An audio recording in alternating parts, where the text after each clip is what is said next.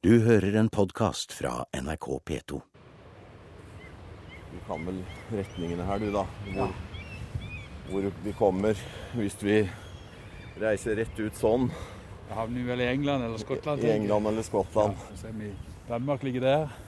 Så langt. Ja, det høres litt rart ut, Ja. Fyrvokter Kjell Olsen har eh, loset oss opp i tårnet på Lindesnes fyr, på Norges sydligste fastlandspunkt. Utsynet herfra er formidabelt, og vi ser hav i nærmere 200 graders synsvinkel. En liten kveldsbris river litt i oss idet sola går ned. I museum i dag skal vi høre litt om hvilken betydning neset, og ikke minst fyret, har hatt for internasjonal skipsfart opp gjennom århundrene. Sammen med fyr på andre lands eh, kyster fant sjøfarende veien fra de store hav og Nordsjøen inn i Skagerrak, Viken, Kattegat og Østersjøen. Etter en stille natt stiger solen opp over nabofyret Ryvingen, og havet ligger speilblankt. Direktør Jo van der Einden på Lindesnes fyrmuseum har nesten problemer med å formidle dramatikken som ofte er knyttet til fyrhistorien. Fyr, vet du, det handler jo om nattemørke og uvær og i det hele tatt, som er litt vanskelig å mane fram her i dag. Men Lindesnes, eh, navnet Lindesnes, det betyr jo kort og godt der landet lider i havet. Altså det er lands end, her hvor landet slutter, mot syd. Og, og neset har vært et internasjonalt navigasjonsknutepunkt lenge før fyret kom, i 1656. Eh, Peder Clausson Friis han uh, jobba jo med sin norgeshistorie på slutten av 1500-tallet, Ja. og omtaler da Lindesnes, hvor han skriver at dette nes som alle sjøfarende folk i dette Vesterhav vite av, ti herfra og herefter vet de at sette sin kurs nord eller syd etter landet. Altså kort og godt, Lindesnes er den viktige landkjenningen når du kommer inn fra Nordsjøen. Og ut ifra dette punktet så vet du å sette din kurs, enten du skal innover i Viken og inn i Østersjøen, eller du skal nordover langs Vestlandet og til Nord-Norge.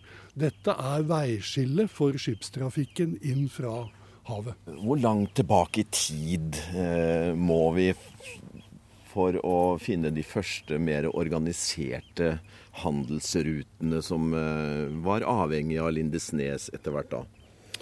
Ja, du, altså vet, Det er jo noe som er litt moro med historie. da, at det, Vi flytter oss jo liksom bakover hele tiden. Ja, Og, og nå er det jo liksom vikinger og eh, Svartehav, og vi er jo liksom det tilbake der. Men, men, men eh, eh, hvis du tenker på sånn organisert internasjonalt handelsnettverk, så vil jeg jo si hanseatene. Altså selv om vikingkongene lå her på Selør ved Lindesnes og samla flåten eh, om de skulle østover eller vestover eller sydover.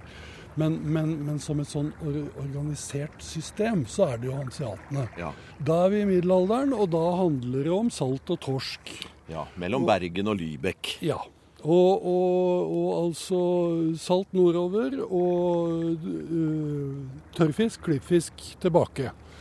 Så som jeg sier, så har vi jo, vi har jo masse å takke katolikkene for. Ja, For du vet, hvis ikke de hadde hatt fastetida, så hadde det vært svelt i hjel her i Norge. For det er jo det vi har levd av opp igjennom. Det er jo å eksportere torsken til fastetidene. Ja, og til hærene også, så vidt jeg vet. Selvfølgelig, fordi det var en Ja, ja. veldig lett å bære, og Ja. bare legge den i vann, så ble den jo stor igjen.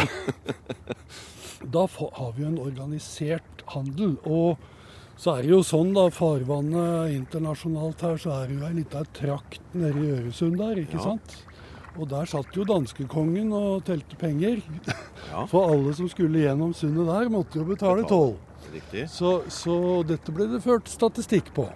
Sånn at det kan vi jo følge, da. Selv om ikke tollrullene fra Øresund er bevart 100% så kan vi liksom se det historiske bildet.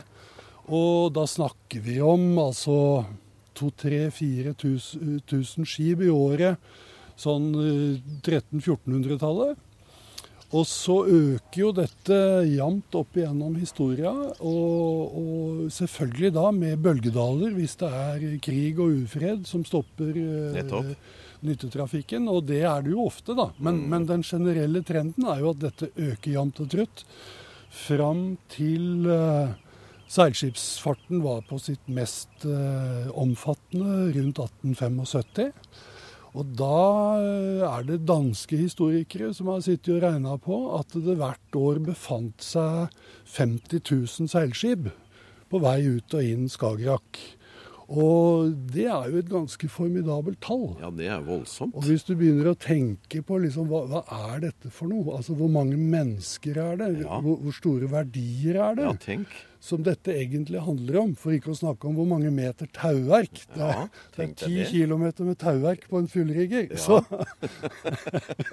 Men altså, det blir noen mengder her. Det gjør det. Som, Men- som, som gjør at også jeg for min del, når jeg, når jeg leste om disse tallene, så fikk jeg jo en helt annen forståelse av losvesenet, f.eks. Mm. på sørlandskysten. Hvor jeg hadde jo forestilt meg at disse losene satt i sånn 14 dagers tid med kikkerten og speida etter et skip langt der ute. Ja. Men, eh, men jeg skjønner jo at, eh, at de satt jo med kikkerten fordi de skulle se hvilke av fartøyene som hadde losflagget oppe. Akkurat. For de kom jo opp til norskekysten. Selvfølgelig. Men når vi snakker om eh, Hansa, tidlig Hansa-tid og sånn, Ja. så var det jo lenge før det var noe fyr på, på Lindesnes. Hvordan var utviklinga fram mot eh, dannelsen av, eh, av fyr i, i dette området? Nei, du vet, i, i, nedover da i Kattegat og, og, og i farvannet der, så hadde du jo fyr allerede i middelalderen. Ja. Og, og dette var jo primitive bål, rett og slett, men, men dog. Sånn at uh, du kan si den nordeuropeiske, skandinaviske fyrhistoria, den begynner i Kattegat på, på 1300-1400-1500-tallet. Og så kommer jo Norge etter, da. Det er jo det som er fascinerende med, med fyr, at det, det er på en måte ikke noe som hører til det enkelte landet. ikke sant? Det er jo hele kloden til sjuende og sist. Som jeg pleier å si, det er det First World Wide Web. Det var fyr. Det er, er jo det. Hva er det, da? Får takka han derre Han har dansa soldansen ei hel uke nå. Bare for at du skulle komme. Skipstrafikken går ganske tett utenfor Lindesnes. På grunnene et godt stykke utenfor fyret ligger tyske fisketurister i sine båter, men en gjest er kommet inn i fyrhavna. Lars Verke. Han er på pilegrimspadling, på vei fra Tønsberg og skal være framme i Nidaros til Olsok i slutten av juli. En ordentlig fyrvenn som kaller fyrene for kystens katedraler. Hvor lang tid skal du bruke til Trondheim? Det er så lang tid det tar. Ja, Det er noe med det. Det er jo ikke hver dag en kommer forbi her. Nei? Så det er jo helt fantastisk. Og så bare kunne svive forbi Neset på en dag som det her. Så, ja, det er nydelig. Men det er jo et par åpne strekk til oppover. Det er jo noen Men du bruker ikke fyra? Jo, jo, jo. Du gjør det? Men bare så sånn der eh, valfartsmål. Ja. Ja, for jeg syns jo fyr er fantastisk. Og i sånn padlepilegrimssammenheng så er det jo som kystens katedraler. Du er, du er på pilegrimsferd i eh, kajakk Ja. Eh, fra Tønsberg til Nidaros. Ja. Det er jo litt både historisk Ja. og alt mulig, da. Du vet, vi var jo litt Vi reagerte jo litt på den her pilegrimsleden som bare gikk opp i fjellheimen, ikke sant? Ja, sant? Og ingen snakka om kysten. Nei. Men nå blir det jo litt eh, oppmerksomhet på det òg, da. Det er Ja. fint. Ja, jeg tror det er på sin plass, altså. Det er, det er Adam av, Bremen eller noe som har en sånn reisebeskrivelse der de kom sørfra til Viken, altså ytre Oslofjord, og når de så land på begge sider, og så holdt de venstre. Og ha land på høyre side i fem døgn. Det er jo ikke så mange tiårene siden at eh, sjøen var hovedtransportveien. Neida, neida. Du ser jo på, på 20-tallet at seilskutetida bare rett i kjelleren, og så kommer motorbåtene. Og så er det vel etter krigen, så tar jo motorbåten og bare rett i kjelleren, og så kommer bil og trans, sånn trailer og Så det er jo det siste hundreåret, så har det jo vært tre paradigmeskifter. Museum er på Lindesnes fyr i Vest-Agder, Norges sydligste landfaste punkt. Med oss er museumsdirektør Jo van der Einden, som har sin arbeidsplass på fyrområdet, og som kan mye om historien både til norske og utenlandske fyr. Ikke minst hvor viktig Lindesnes fyr har vært som portstolpe i farleden fra de store hav og Nordsjøen inn i Skagerrak, Viken, Kattegat og Østersjøen. Før vi hører mer om eh, dette temaet, skal vi innom museet som ligger diskré til, akkurat ved inngangen til selve det vernede fyranlegget. Her er det en eh, glassfasade, eh, og så er det en fire-fem meter inn, og så er det bare fjell. Eh, Er det museet? Ja, det er det. Altså, Lindesnes er et fantastisk sted. Det er, det, jeg syns det er fortsatt sånn når jeg har vært liksom tilknytta Lindesnes på forskjellig slags vis siden 1991. Men det er fortsatt sånn når jeg kommer liksom uh, kjørende gjennom skaret der oppe, Ja. og landskapet åpner Ja. seg, så sier jeg til meg sjøl hver gang Jøss, så fint det er her. Når vi da eh, Det var faktisk i forbindelse med, at, eh, med fredningssaken. Allerede da så var det begynt å bli diskutert eh, Altså nå er vi på begynnelsen av 90-tallet. Mm. Og så var det liksom en slags sånn drøm om at vi skulle få et fyrmuseum her. Og, og eh, da gjorde vi på en måte en, en eh, analyse av stedet og landskapet, og fant ut at uh, nedi søkket her, altså den gamle parkeringsplassen, det skulle det plasseres noe bygg, så burde det være her. Fordi at vi ønska ikke liksom noe bygg lenger opp som, som stengte for landskapsoverlevelsen, samtidig som vi ikke ønska å bygge inne på den autentiske fyrstasjonen. Og så hadde vi jo fått litt hjelp av tyskerne fra før, da, for det var et hull i fjellet her. så vi utvida det litt, kan du si. aldri så gærent så godt for noe. Ja, ja. ja, ja. Vi ønska å ha et moderne anlegg, formidlingsanlegg for publikum. Og det fikk vi muligheten til når Lindesnes blei eh, tusenårssted i Vest-Agder. Og da ønska vi oss et eh, moderne anlegg, men Oi, oi. så diskré som mulig plassert. Ja, det er det jo. Og så blei det fjelløsninger. Ja. For når jeg så inn i stad, så visste jo ikke jeg om at det var høl hvit innover her. Så ble vi jo da i 2008 eh, etatsmuseum for Kystverket. Vi har jo et nettverk på fire museer i Norge som utgjør de såkalte kystverkmusea. Og eh, det vil si at det er vår eh, oppgave å dokumentere og formidle den etatens historie, og, eller det, det fagfeltet, da. Riktig. Som jo ikke bare er fyr. Det er jo også, også ja, Det er det vi kaller for maritim infrastruktur. Men hva er nå det, da? Moloer og alt. Så det er jo liksom det denne utstillingen skal si publik, fortelle publikum. Hva er det som skjuler seg bak begrepet maritim infrastruktur? I tillegg til utstillingshallen er det et romslig auditorium, en eh, kafé selvfølgelig, og så selve hovedutstillingen. Der tar etnolog Simen Pil oss inn i noen av delutstillingene. Nå står vi og ser på et veldig flott bilde her Ja, eh, av en eh, los som ligger og titter utover havet. fantastisk, altså. Så det er mange som har tenkt at det bildet her det er jo konstruert. Det kan jo godt hende at man har fått han til å ligge der, men Ja, det var her for noen år siden så hadde, hadde vi besøk av noen folk her, og så plutselig så sier en eh, av de som er på besøk Det der er min oldefar. nei, Den kikkerten har vi hjemme. nei, hold opp. Nei, sa min eh, kollega Tor Ivar, det kan ikke stemme. Jo, sa han. Og det gjorde nok det. Ja, Så det er en eh, lokal sørlandslos, dette her. og det står en tekst der på ære og samvittighet. Jeg lover og sverger hermed at bevise min ærbødighet og lydighet flittig be og bakte den min anfortroende tjeneste. Det er fra loseden, du. Fra loseden, ja. Jeg visste ikke at det var en losed engang, men det, høres eh, betryggende ut. Det, altså, det å være los var jo et eh, alvorlig eh, yrke. Og, og, men også særdeles eh, skummelt og farlig. Mm. Og det ser vi jo her i neste Ja, der ligger en uh, modell med et par på, på hvelvinga. Den omvendte likkiste. Ja. Og det var nesten uh, mye sånn. Eh, De hadde jo åpne båter. Sverget til åpne båter. Av eh, en eller annen merkelig grunn. Det var vel handlet vel sikkert mye om pris og sånt nå, da, men etter hvert så da kom jo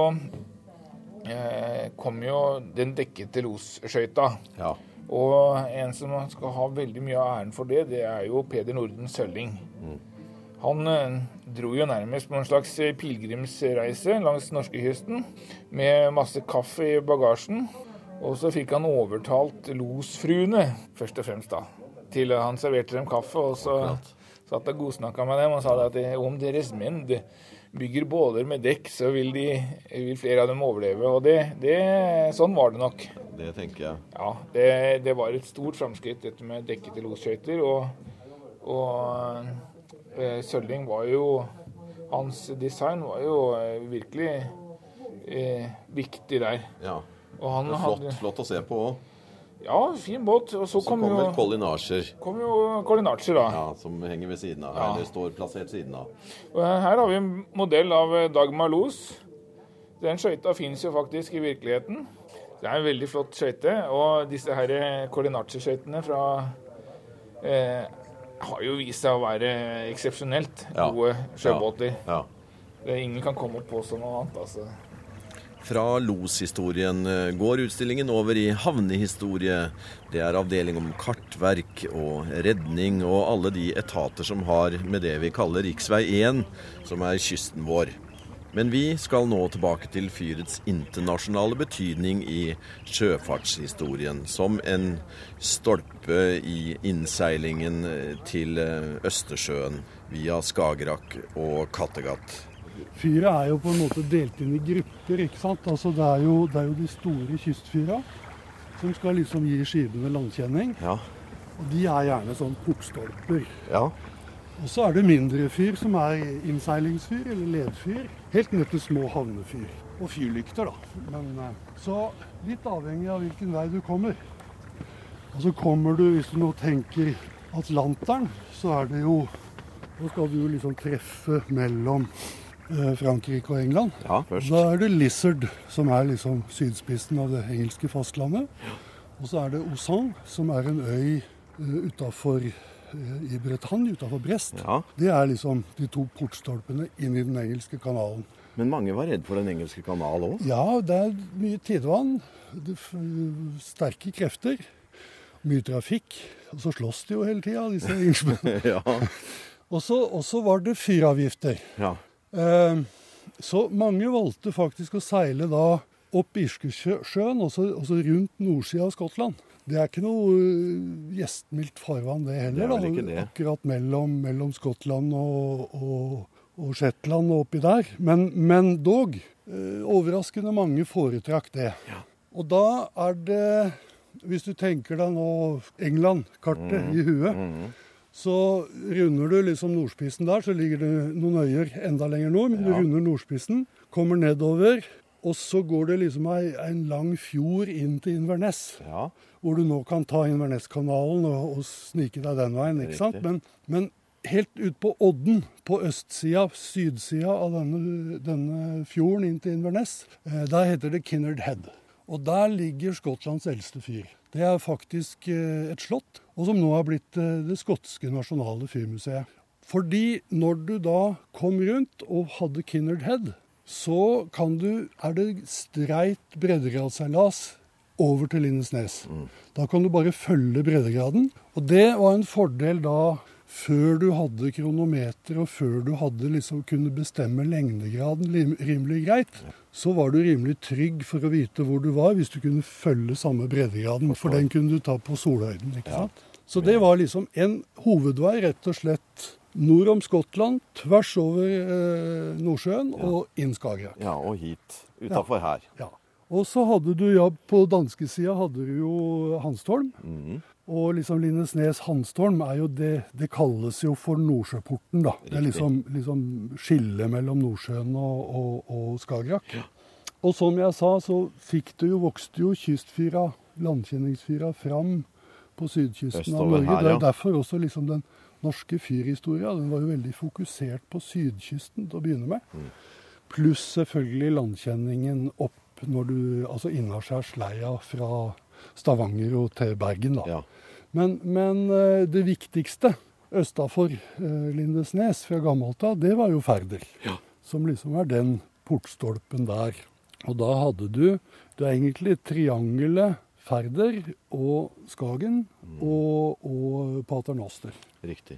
Så sånn kan en på en måte rekonstruere hovedveiene ut ifra. Rett og slett å se på fyra uh, når de er bygd og, litt sånt. Så, så får du et innblikk i, i hva som var viktig. Ja. Det er litt morsomt da, hvis de seiler rundt hele England for å unngå ja, avgifter også, da. Det er Ja. var bompenger på sjøen den gangen. Nå er de flytta inn på land. ja. ja, altså det var, det var eh, de på Fyrmuseet der borte som gjorde meg oppmerksom på dette her med at det var liksom også økonomiske grunner. Ja, For det er jo en omvei, da. Det er det jo. Ja. Ja, nå kommer en bris. Det var nesten litt deilig.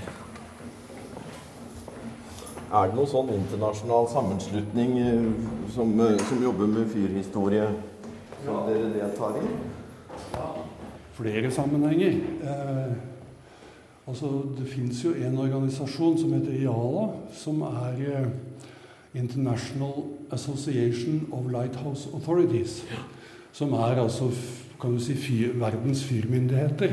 De har en organisasjon og en møteplass hvor de diskuterer eh, standard i forhold til lyssetting, og at det skal være på en måte eh, et internasjonalt forutsigelig system, naturlig nok. Uh, og det, lyskilder og sånn utvikles jo stadig. Teknologien utvikler seg jo hele tida. Så er det om å gjøre på å få samordna dette så godt som mulig. da. Men de har også i ja, 15 år nå hatt eh, ei arbeidsgruppe som har jobba med historiske fyr. Både fordi, som jeg sa, at fyrene er jo, er jo eh, internasjonale kulturminner, egentlig. Og så har jo utfordringene i forhold til den teknologiske utviklinga, hvor fyrene er blitt på en måte automatisert og avbemanna. Samtidig som de er så viktige kulturminner at du kan ikke bare på en måte forlate dem. Og det er mange som har interesser i at de skal bli stående. Så, så er dette blitt et arbeidsfelt internasjonalt, også for, for denne organisasjonen. Og så har man noe som heter eh, World Lighthouse Society, som er i mange land. Så har vi Norsk Fyrhistorisk Forening i Norge, som er Det er jo veldig mange frivillige som er engasjert i alternativ bruk av fyr Skjønner. Og har interesser i fyr. Og sånn er det også i mange andre land, selv om jeg vil påstå at vi er noe av de heldigste i forhold til å ha mange folk som er engasjert. Men, eh, men eh, det er også da en, en organisasjon som jobber med, med det internasjonalt. Og Lindesnes er kanskje da det mest kjente internasjonalt òg, da? Ja, no, norske, mener du? Ja. Ja, det, det, det er jo selvfølgelig også litt fordi at vi er så heldige at vi har, har eh, fått mulighet til å jobbe i disse sammenhengene. Ja. Og det har jo Jeg har jo hatt eh, et slags oppdrag da, fra Kystverket å delta i denne arbeidsgruppa med, med histo om historiske fyr i Jala. Så det er jo en voldsom berikelse også fordi det gir meg jo innsikt i hva som foregår i veldig mange andre land. Nettopp. Og da får du besøk av fyrfolk. Det gjør vi. Vi har hatt den indiske fyrdirektøren her som lurte på om han skulle lage fyrmuseum. India, ja. Vi har i dette programmet hørt at Lindesnes fyr i århundrer har vært portstolpe for navigasjonen for dem som kom seilende fra de store hav inn i Nordsjøen og videre til Østersjøen. Det var snakk om grovnavigasjon. I dag kan man sitte i sin stue og nær sagt følge hvert skip i verden via en app på mobiltelefonen. Direktøren på Lindesnes fyrmuseum, Jo van der Einden, lar seg fascinere. jeg syns dette er veldig fascinerende. Ja, Det, det er noen som har eh, sagt at uh, til å begynne med så navigerte man jo etter stjernene på natten. Og så var det noen som var så kloke at de fant ut at de skulle hentes noen av stjernene ned og sette de Ja. på jorden. Det er altså fyrene. Det er stjerner som er tatt ned på jorden. Det er jo et vakkert bilde, da. Jo, og så kan du jo dra det enda et skritt og kan du si at nå har vi jo sendt fyrene opp i himmelen igjen. I himmelen Som. Med satellitter. navigasjonssatellitter som, som sirkler rundt der oppe og forteller oss hvor vi er. Ja. Det er ikke ofte du er her oppe uten å se båter. Eh, akkurat i dag var det, det er disse tyske fiskerne, men eh, Ja. Jeg har sett flere skip som Ja, har passert, ja. eh, både østover og, og vestover. altså vi snakker om historisk eh, 1875 50 000 seilskip Ja. ut av inn Skagerrak hvert år. Men, men eh, altså det er jo en hovedvei i, nå også. Ja. Det, er, det er rundt 30 000 skip som passerer linja mellom uh, Lindesnes Hanstholm hvert år. Og du vet, dette er jo mye større skip. Så tonnasjemessig så er jo denne trafikken større nå Ja. enn det den var på, i seilskutetida. Ja. Og hvis en går inn på denne appen som jeg Ja. snakka om, og ser eh, rundt Skagens rev og inn der, Ja. det er tett som hangel. Altså. Det, er er en, det er vel en av de store eh, handelsrutene i, i verden, vil jeg mene. Ja, det er det. Og, og um, altså, du Det er engelske kanalen. Er jo kanskje Jeg tror det er tettere trafikk i engelske kanal. Ja. Men, men etter den engelske kanal, iallfall i Nord-Europa, så er fortsatt trafikken Nordsjøen, Østersjøen, Skagerrak er, er altså den viktigste transport, maritime transportåra vi har.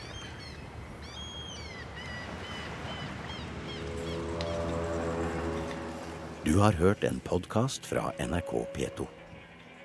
Send gjerne en e-post til museum krøllalfa nrk.no.